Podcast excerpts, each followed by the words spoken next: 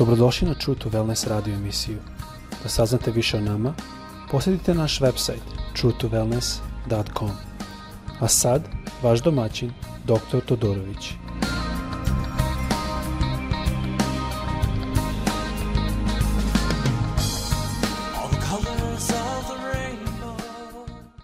Dobar dan i pozdravljam vas opet iz Floride. Želim danas da govorim o drugom delu U ranijem delu sam govorio malo o šta znači strah i kako je nama Isus rekao da se ne bojimo oni koji mogu da ubiju telo, a ne mogu dušu, nego da se bojimo onoga, to jest Oca našeg nebeskog, koji može jedno i drugo. E, sada, reč bojiti u to, to vreme, kao što sam tada iznao, znači dava čast. I gospod ne želi da dajemo čast ljudima, nego Bogu. A isto smo tu govorili da se tu radi o strahu koji je fokusiran na telo i koji je fokusiran na druge i on želi da imamo strahopoštovanje, ne u stvari strah, nego jedno poštovanje ka našem ocu.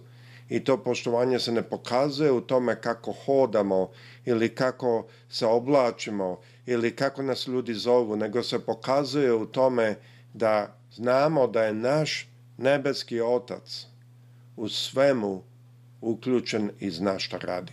I to je teško neki put da ljudi shvate. Znači, tu se radi puno više nego samo da Isus želi da se bojimo e, nebeskog oca. U stvari, on nije to rekao, nego da imamo jedno straho poštovanje. I onda smo tu isto govorili kako ne možemo imati jedan strah ili drugi strah.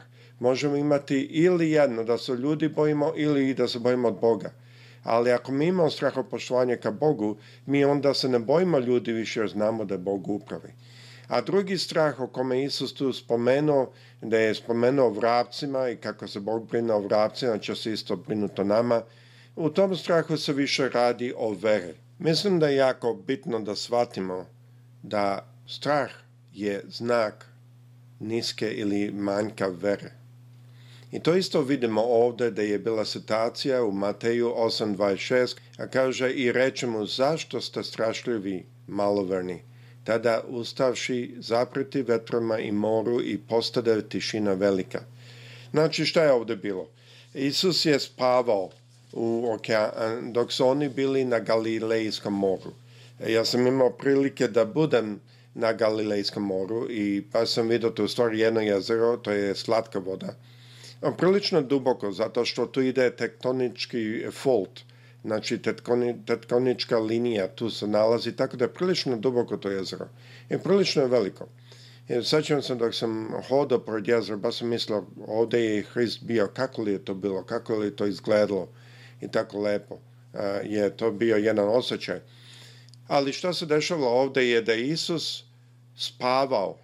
Zašto Isus spavao dok je išao On je bio sa njima, ali nije izgledalo kada je on sa njima. Izgledalo kada on spava.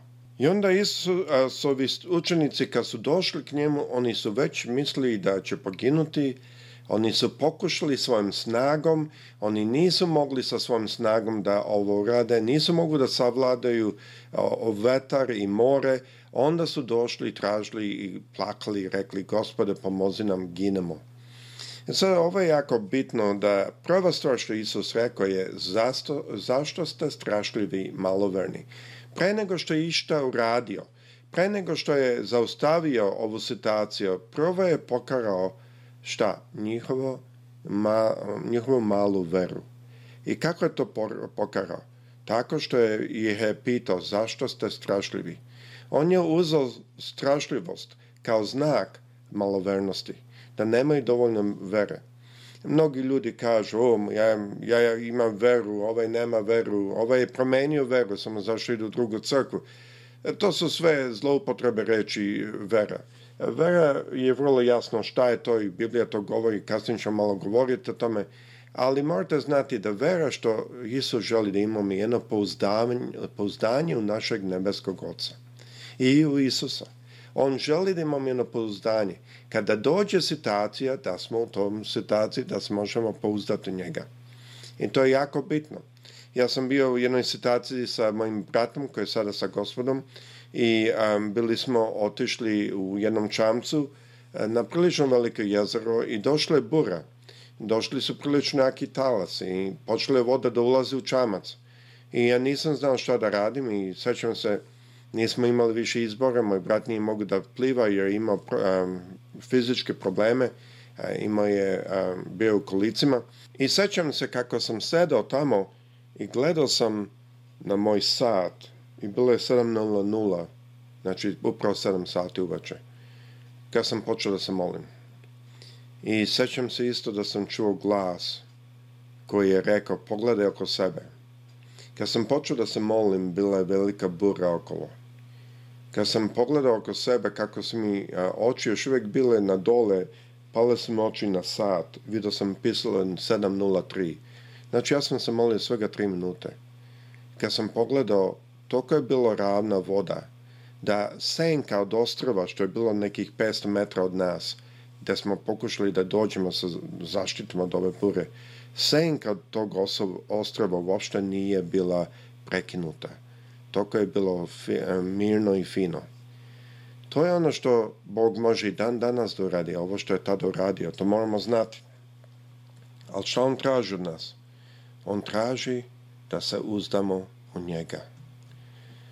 E, moramo znati da strah znači u stvari da imamo malo vere.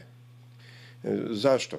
Zato što kada hodamo u veri, Mi nemamo više strah jer znamo ko je u kontroli. Ali zašto sam napisao tu ljubav? U stvari ja sam čitao ovaj narni stih i stavio sam ljubav tu. Ljubav ima veze tu. Zato što kaže u ljubavi nema straha, nego savršena ljubav izgoni strah napolje, jer strah ima muku. Zašto muku? A koji se boji nije savršen u ljubavi. Ovdje imam dve stvari – Ovdje kaže da savršena ljubav, ljubav ka kome? Ljubav ka Bogu. Kada mi počnemo ljubiti gospoda, kad mi počnemo gledati Boga kao tatu, kao lično jedan odnos, da on nije neko više tamo daleko, on nije neko visoko gore iznad zemlje, nego je to moj tata. To je ta savršena ljubav. Kad ta savršena ljubav dođe, ona izgoni strah napolje. Zašto? Jer strah ima muku. Strah ima nešto što u srcu pravi nemir, a Bog to ne želi. I zato isto znači da nemamo dovoljno ljub, ljubavi, jer ljubav ka ocu, i to ćemo kasnije baš malo pročitati u ovoj seriji u Rimljanima 8.15, da pokazuje da vapimo ka njemu Abba Father, Abba oče, to znači tata. Vidite, velika je tu razlika, zato što ova ljubav izgoni strah. A ko ima strah, nije savršen u ljubavi. Pazite to. Koji se boji, nije savršen u ljubavi. Zašto? On nije prihvatio da je naš nebeski otac naš tata. Drugim rečima, ja mogu da idem u crkvu. Ja mogu da se molim. Ja mogu da verujem da reč Božja istina. Sve je to lepo. Ali, može vrlo lako da bude i da ja znam našeg nebeskog oca samo kao neko visoko gore.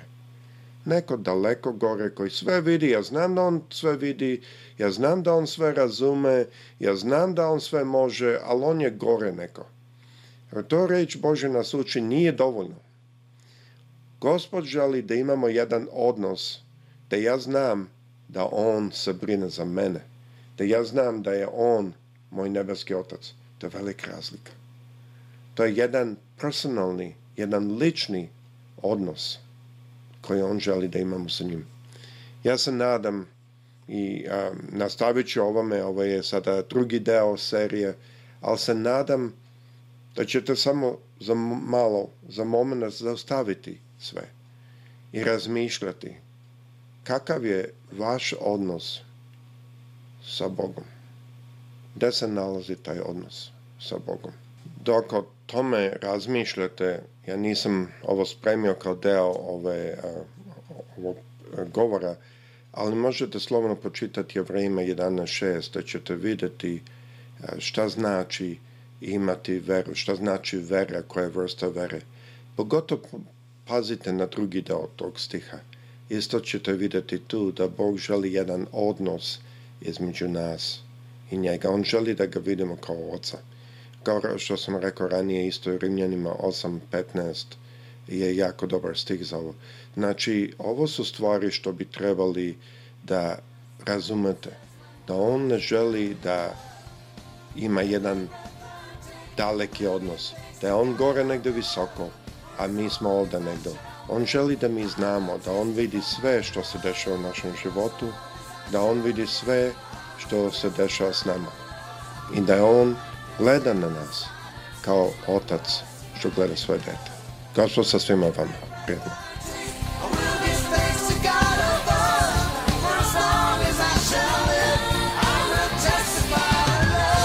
Slušajte True to Wellness radio emisiju. Pridružite nam se ponovo svaki utorak, četvrtak i subotu. Za kontakt molimo posjetite naš website truetowellness.com. Naša email adresa je info at truetowellness.com.